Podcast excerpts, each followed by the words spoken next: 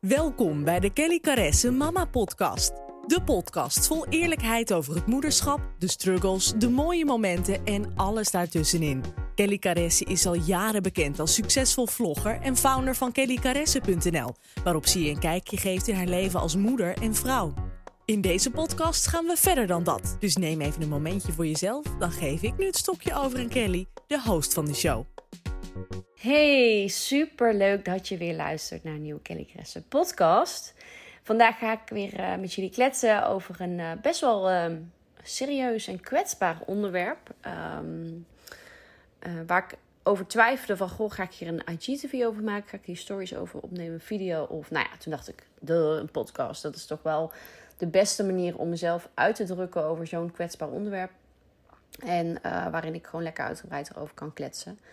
Uh, maar daarover ga ik dadelijk in. Ik zal eerst even met jullie bijketsen hoe het gaat. En uh, nou ja, gewoon eventjes weer uh, bijbabbelen. Um, het is nu nog anderhalve week tot de meisjes vakantie hebben. En dan is het nog een weekje tot we op vakantie gaan. Dus we gaan over tweeënhalve week lekker op vakantie. En ik weet dat het heel fout en ja, kan klinken. Maar ben stiekem best wel een beetje toe aan vakantie. De afgelopen periode is natuurlijk heel bizar geweest. De hele coronatijd natuurlijk. Dat we volop met de kids waren. Maar nu zijn ze weer naar school. En ook Yannick is weer, mijn man is weer fulltime aan het werk. Maar ook echt nu wel 12 uur per dag is hij nu weg. Omdat hij nou ook allerlei oefeningen heeft. Hij zit in het leger. Um, wat betekent dat hij gewoon s ochtends vroeg weg is. En s'avonds de kinderen pas in bed liggen. Een keer um, thuis komt. En uh, nou ja, dat is wel even heel erg pittig. Dus het voelt een beetje als de laatste loodjes.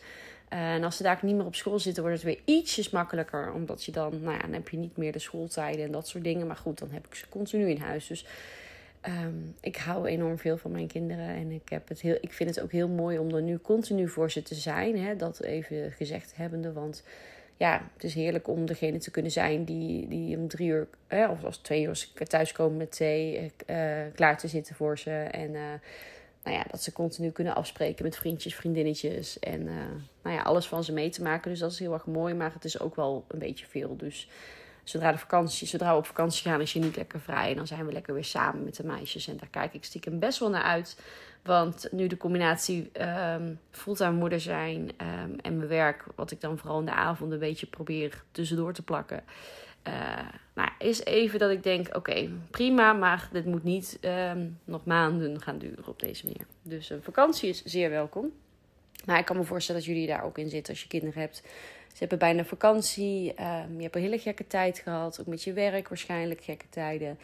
Uh, de kinderen die eerst thuis waren, nu wel weer naar school gaan. Um, ik merk ook aan de kinderen dat het gewoon veel is. Dat zul je ook aan je kinderen merken. Dus ik kan me voorstellen dat iedereen wel een beetje toe is aan vakantie. En of je nou wel of niet op vakantie gaat, want dat is natuurlijk in deze tijd ook een beetje gekkig.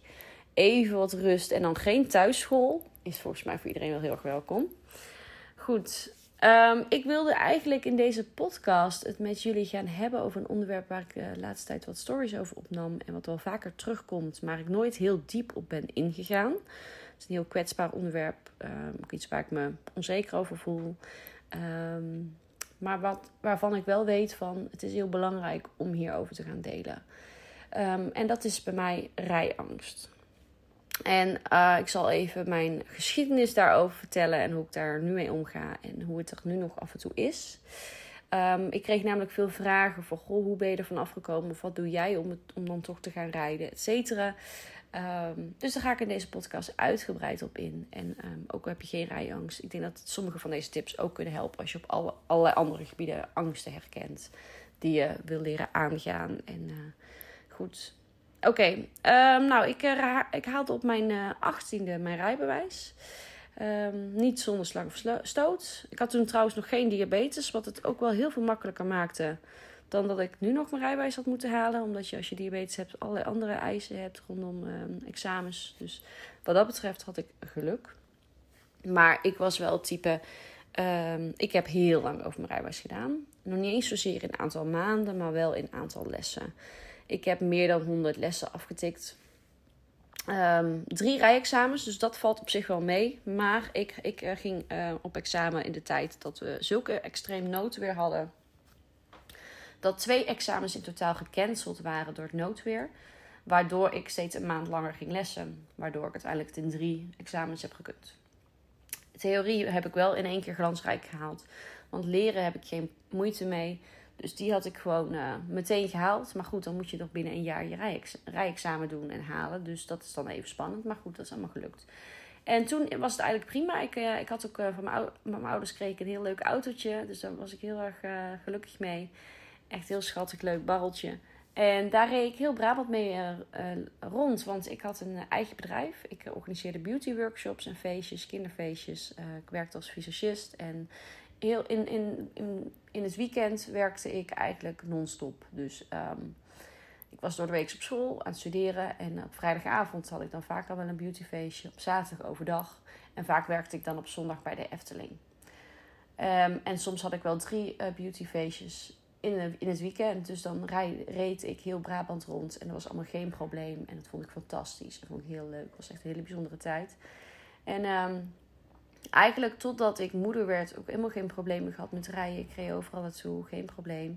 En toen werd ik moeder en op zich was dat op zich ook nog niet. Uh, ik reed ook gewoon toen ik zwanger werd. En uh, ik ben toen bevallen met een keizersnede, dus dan mag je sowieso de eerste weken niet rijden. Um, maar op een gegeven moment ben ik gewoon wel weer stukjes gaan rijden, maar dan hoefde ik ook nog niet zo ver. Maar op een gegeven moment, toen blogde ik ook al. En toen mocht ik voor mijn blog een auto testen. En die moesten we dan even in Amsterdam ophalen. Dus we gingen natuurlijk met één auto heen, twee terug. Dus met Lana, die toen drie maanden oud was, of zo, een babytje, ging ik dan terug met, de, met onze eigen auto. En Janiek, mijn man, die zou dan met de andere auto die we zouden lenen uh, terugrijden. Dus daar was ik eigenlijk helemaal niet zenuwachtig voor of zo. Um, maar goed, toen was ik aan het rijden op de A2. En um, een gegeven moment voelde ik me niet zo goed. Ik voelde me sowieso niet zo heel erg goed. Ik, ik had heel veel zwangerschapscomplicaties. Ik ben bevallen met 34 weken met het HELP-syndroom. Dat is eigenlijk een extreme vorm van een zwangerschapsvergiftiging. Ik zat om half negen nog gewoon uh, aan tafel thuis. Ik was 33 weken, uh, zes dagen. Was prima, ik was wel heel erg moe en zo. Maar goed, dat is logisch als je zover zwanger bent, denk je dan. Dus dus ik zat gewoon nog aan tafel en ik had op een gegeven moment zo'n hoge buikpijn dat ik tegen Yannick zei: Nou, goh, misschien moeten we even naar het ziekenhuis. Ik weet het niet. En hij zei: Nou ja, laten we dat dan morgen doen, want het was zondagavond, weet je wel. Ik zeg: Nee, we gaan nu of, of het hoeft niet meer. Ik had ineens zo'n heel instinctief gevoel van: ik moet er nu naartoe.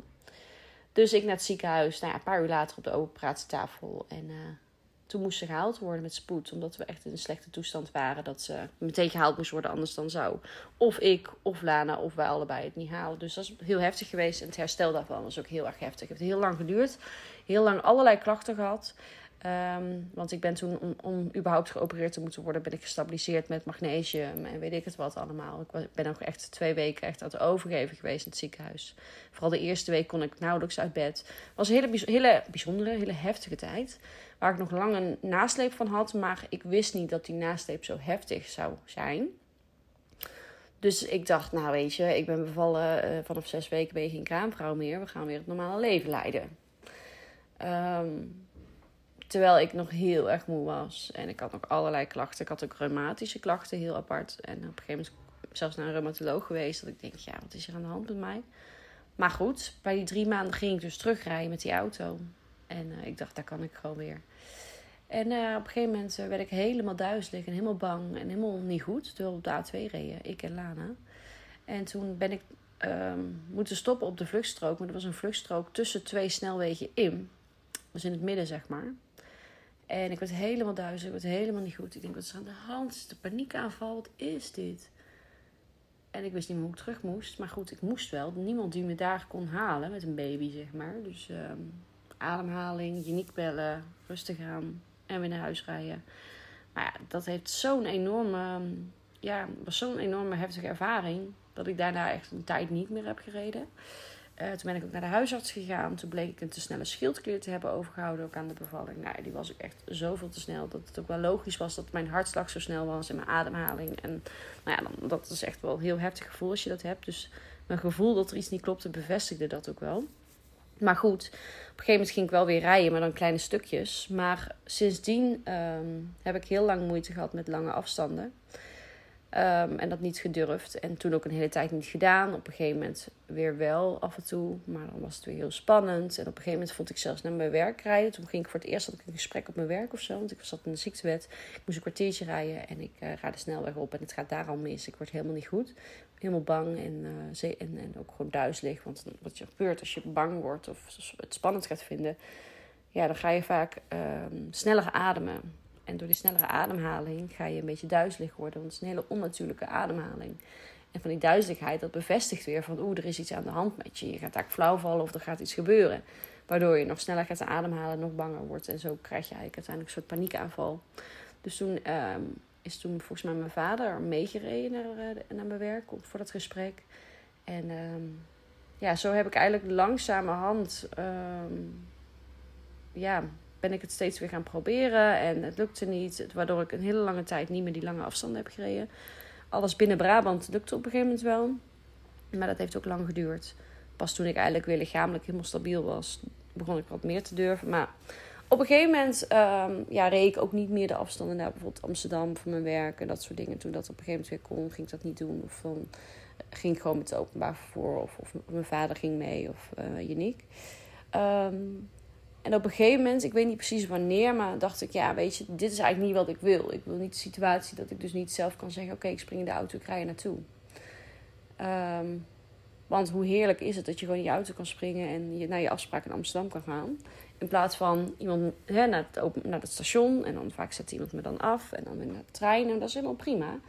Maar het duurt allemaal heel veel langer. En soms is het gewoon lekker, zeker als de kinderen ook meegaan. Want soms heb ik ook afspraken waar de kinderen bij mogen zijn. Of events, dat soort dingen. Ja, is het gewoon fijn dat ze lekker mee kunnen. En dat je dan dus de auto kan pakken. Um, en ik had op een gegeven moment op het punt dat als iemand naast me zat, een volwassene, vond ik het prima. Was ik niet meer bang. Ik kon gewoon die stukken rijden. Um, en zeker bij het idee, iemand kan het overnemen. Um, maar alleen echt nog niet. En um, ja, het belangrijkste is eigenlijk heel erg gaan begrijpen van waar komt dit vandaan. Zelf ben ik gewoon echt bang voor mijn eigen angst en bang voor mijn eigen lichaam die me misschien in de steek laat. Bang dat ik zo'n lage hypo krijg. Ik heb natuurlijk diabetes. Bang dat ik zo'n lage hypo krijg dat ik flauw ga vallen. Ik heb namelijk al een keer meegemaakt dat ik echt zo'n lage hypo had. Toen ik aan het rijden was. Dus dat ik echt op één of zo. Nou ja, toen ben ik echt gewoon recht over een rotonde overgestoken om maar zo snel mogelijk ergens een, een soort van vluchtstrookje te vinden. Uh, om dingen te pakken. Dus dat speelt natuurlijk heel erg mee dat mijn lichaam vrij instabiel is wat dat betreft. Uh, maar ja, dat helpt ook niet mee om het dan toch wel te gaan doen. En um, beetje bij beetje ben ik het steeds meer gaan proberen.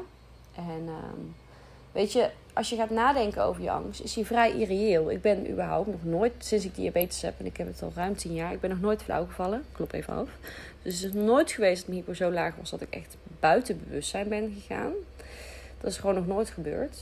Dus hoe realistisch is het dat dat dan in de auto ineens wel gebeurt? Um, ik kan gewoon mijn bloedsuiker checken. Zeker nu ik hem kan scannen met mijn telefoon, kan ik tijdens het rijden gewoon checken. Dus het is helemaal niet reëel om daar bang voor te zijn. Um, als er iemand bij zit, voel ik me ineens niet bang. Dus dat zegt ook weer van, oké, dus het heeft dus eigenlijk ermee te maken dat, dat ik alleen ben. En niet met dat ik bang ben om flauw te vallen. Hè? Het is puur het alleen zijn, waardoor ik ineens ga denken dat ik flauw kan vallen. Terwijl ik die gedachten totaal niet heb als er iemand naast me zit. Um, dus ik ben gaan kijken van wat kan ik doen om mezelf af te leiden op het moment dat het moeilijk wordt. En voor mij zijn moeilijke momenten bijvoorbeeld de snelweg oprijden. En echt de snelweg richting de A2. Op de een of andere manier is Amsterdam voor mij zo'n zo'n spanningsvlak. Terwijl als ik bij spreken in Brabant een uur moet rijden, vind ik het niet meer eng. Um, en wat mij heel erg helpt is zorgen dat ik goede muziek in de auto heb, podcasts en dat ik de optie heb om iemand te bellen. Dus dat bijvoorbeeld je niet weet, ik ga dat stuk rijden en bel ik hem of een vriendin weet dat. Want als ik aan het bellen ben met iemand uh, terwijl ik aan het rijden ben, dan ben ik weer afgeleid en dan voel ik het niet zo. Nou is het natuurlijk eigenlijk uh, per se afleiding zoeken niet altijd de beste manier om echt van een angst af te komen. Want het is natuurlijk als weer opnieuw afleiding zoeken en daardoor het niet uh, onder ogen zien. Maar um, op een gegeven moment ga je dus merken van oké, dat gaat goed. Als ik dan iemand bel, gaat het goed. Oké, dan ga ik het eens even zonder proberen. Dus op een gegeven moment ga je steeds meer uh, je eigen angsten onder ogen zien. En um, ja, exposen zeg maar aan hetgeen wat je eng vindt. Dus het gewoon aangaan weten dat er een uh, optie is om bijvoorbeeld afleiding te zoeken of iemand te bellen. En wat mij ook heel erg helpt, stel dat ik een uur moet rijden, dan stel ik voor mezelf in, want een uur vind ik dan heel lang. Um, terwijl als iemand anders naast me zit en die rijdt een uur, dan, dan knipper ik met mijn ogen en dan er bij wijze van spreken. Ehm, maar dan ben ik helemaal niet bezig met de tijd of dat ik het spannend vind. Maar als ik zelf rijd, dan ben ik eigenlijk continu op de navigatie aan het kijken hoeveel minuten nog. Dan weet ik hoe ver ik al ben. Dus ja, ik maak mezelf eraan ook een beetje gek. Maar ik, ik spreek dan met mezelf af. In het begin mocht ik bij spreken elk kwartier even gaan stoppen. Dus dan sprak ik met mezelf af. Als, als ik een kwartier heb gereden, ga ik een parkeerplaats zoeken. Ga ik even stoppen. Mag ik even drinken? Een half uur even naar het toilet. Of even uit de auto en weer door. En zo ga je het opdelen. En nu doe ik, als ik een uur moet rijden, zorg ik dat ik halverwege een stop doe. Gewoon om even die onderbreking te hebben. En als ik halverwege denk, nou, ik heb die stop nog helemaal niet nodig, doe ik het niet. Maar het is een soort van hulplijn. En ehm, vorige week, want door de coronatijd heb ik natuurlijk al heel lang niet gereden. Of niet lange stukken gereden. Dus vorige week moest ik toevallig op donderdag in Amsterdam zijn. En toen dacht ik al van, oh, zal ik iemand vragen om te rijden? En um, begrijp me niet verkeerd, ik vind het hartstikke leuk als er iemand meegaat. Want mijn vader vindt het bijvoorbeeld ook heel leuk om mee te gaan. En ik vind het ook heel gezellig als ik met hem op pad ben. Dus dat doe ik ook nog regelmatig. En dat is op zich niet per se om de angst te vermijden, maar het is ook gewoon gezelliger. Dus als dat een optie is, is dat prima. Maar nu was dat gewoon geen optie, want dan zou hij vier uur in Amsterdam moeten wachten op mij, omdat hij niet mee kon naar de afspraak. Ja, dat is, dat is gewoon, ja, om, ja dat, eigenlijk wil je dat iemand ook niet aandoen. Dus hij had, bood het zelf aan, maar ik zei van nee, dat hoeft niet. Heel lief. Ehm, dus um, ja, ik, ik moest het gewoon gaan doen. Het was ook een locatie die niet handig was met het OV. Dus ik dacht, oké, ik ga er gewoon voor. En toen had ik met mezelf echt afgesproken van... Ik zorg sowieso dat ik um, goed gegeten heb van tevoren. Want op het moment dat ik hongerig ben, word ik ook een beetje cranky. En een beetje dat ik bang ben van, oeh, ga ik flauw vallen? Of oeh, hoe voel ik me? Zorg dat ik goed van tevoren gegeten heb. En in de auto heb ik een flesje water, heb ik wat snacks. Uh, zowel koolhydraatarme snacks, omdat ik diabetes heb. Lekker tomaatjes, uh, nootjes, dat soort dingen. Dat ik gewoon lekker wat kan knabbelen. En uh, wanneer mijn suiker lijkt te zakken, heb ik ook iets van chocola of iets wat ik dan kan pakken, waardoor ik me zekerder voel. Want vooral mijn angst zit hem als hij gaat zakken. Dus dat heb ik gedaan. En toen um, ben ik gewoon gaan rijden. En eigenlijk vind ik het ook heerlijk als ik eenmaal rijd en ik heb muziek op. Vind ik het eigenlijk ook heerlijk. Even zonder kinderen, even lekker weg. Um, maar toch ben ik dan nog heel erg met de tijd bezig. Maar nu had ik ook weer een half uur voor mezelf ingesteld. En na het half uur ben ik even uh, bij een benzinestation gestopt. Ben ik even naar het toilet gegaan. Even wat gedronken en weer door.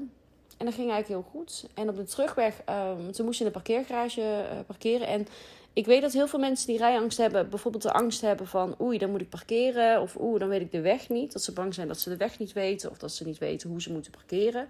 Die angsten heb ik totaal niet. Ik ben ook niet bang voor parkeergarages. Kijk, midden in Amsterdam rijden, echt die kleine straatjes, vind ik wel spannend, uiteraard. Hè? Of tenminste, uiteraard, dat is ook, ja, dat, dat, ben ik natuurlijk helemaal niet gewend. Om door zulke kleine straatjes te rijden en dan ergens een parkeerplek. En, dus die, die angst snap ik hoor. Maar ik ben dus niet bang voor het parkeren of voor um, uh, parkeergarages of de weg kwijtraken. Want daar voel ik me heel zeker over. Uh, ik heb gewoon mijn navigatie. Um, terwijl ik ook heel goed snap als je die angst wel voelt. Maar um, ik heb het echt puur als ik op die snelweg ben bang om controle over mijn eigen lichaam te verliezen. Dus ik ben de parkeergarage ingereden. En uh, nou, helemaal goed. En op de terugweg, um, toevallig zit een collegaatje van mij in de auto. Want die zette ik dan even in Utrecht af. Wat ik, ik zelf heel fijn vind. Want dan heb ik een half uur iemand naast me. Waardoor het daarna nog maar 40 minuten alleen is. Uh, vanaf Utrecht. Um, maar goed, wij moesten die parkeergarage schuin omhoog. Nou, op zich prima, hellingproefje. Alleen uh, voor mij stond een collega en we bleken niet uit te kunnen rijden. Omdat het kaartje niet werkte of er was iets mis mee. Dus zij stond op de hellingproef. Toen dacht ik, oh, dan moet ik ook de hellingproef doen. Oh, dan rijden we daar behoorlijk achteruit. Nou, toen kwam er even paniek. Maar, um, en toen zei ook mijn collega van, oh, volgens mij moeten we even achteruit rijden. Toen dacht ik, nee, dat durf ik echt niet. Achteruit rijden in de parkeergarage. Um, gelukkig hoefde dat uiteindelijk ook niet. Alleen ik, ik wist gewoon even niet meer. Ik was best wel in paniek. En ik wist gewoon even niet meer hoe ik uit die parkeergarage vanuit de hellingproef weer moest gaan rijden. Hoeveel gas je dan moet geven. Ik was gewoon helemaal kwijt. Heel raar. Dus toen nam zij dat even voor me over. Wat echt super lief was. Ze heeft zelf ook een Opel. Dus dat scheelt ook wel. Dat ze wel wisten hoe of wat. Maar uh, toen voelde ik me natuurlijk wel even schuldig dat ik uh, dat aan haar had gevraagd. Maar zij vond het geen probleem. Um, en daarna heb ik het gewoon weer zelf opgepakt. Maar toen was ik wel even zenuwachtig. En met dat zenuwachtig gevoel moest ik nog een uur gaan rijden. Maar dat ging goed verder. En ehm, de dag erna ben ik naar mijn vriendin van mij in Delft gegaan met mijn kinderen. En wat ik dan wel spannend vond, is dat. Ehm, uh, dat de kinderen er dan bij zijn. Als ik alleen rij, vind ik het iets minder spannend. Want dan ja, ben ik het alleen, maar nu ben ik dan verantwoordelijk voor al mijn kinderen. Dus wat als het nou angstig wordt en dan zijn zij erbij. En wat als ze gaan schreeuwen en doen. En, uh. Maar goed, angsten probeer ik dan toch wel aan te gaan. Dus ik ben gewoon gegaan. Wel al wat vroeger in de ochtend, dat ik nog helemaal fit was. Um, want als ik al moe ben, dan ben ik sneller getriggerd tot angst. Dus ja, ben gewoon wat vroeger gegaan, dat ik heel fit was. En pas de dag erna terug, dus ik heb daar ook gezellig geslapen, wat ook helemaal leuk was. Maar dat scheelt wel dat ik dus niet de rit op, op één dag hoefde te doen, de twee ritten. En dat ging op de heenweg helemaal goed. Uh, en op de terugweg was ik toen ik terug wilde, was ik ineens heel erg bang. En dat zei ik ook tegen mijn vriendje, oh joh, dan moet ik helemaal terug en uh, spannend. Dus ik ben ook eerder gegaan dan ik eigenlijk wilde. Uh, maar ik was zo bezig met die angst dat ik dacht, ik wilde vanaf zijn. Dus ik kon ook minder um, ja, het was voor mij fijner om al wat vroeger te vertrekken. Dat ik wist, oké, nu heb ik nog energie en nu gaat het goed. Dan nog gezellig langer blijven, wat ik eigenlijk natuurlijk liever had gewild. Maar vervolgens die rit nog spannender vinden.